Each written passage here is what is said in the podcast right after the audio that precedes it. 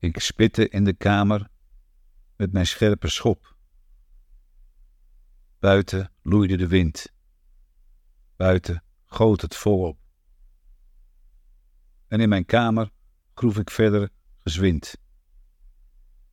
Buiten was er regen. Buiten was er wind. De opgegraven aarde wierp ik uit het gebouw. Zwart was deze aarde, de sluier erboven blauw. Tot voorbij het venster reikte de aarde uit de kuilen. En boven op de hemelse berg zat Christus daar te huilen. De schop brak bij het graven.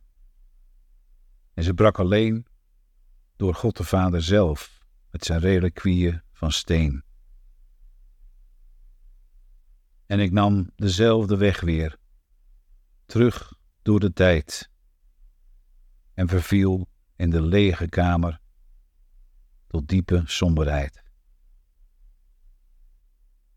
Het bestijgen van de top heb ik toen ook betracht. Een ster stond aan de hemel.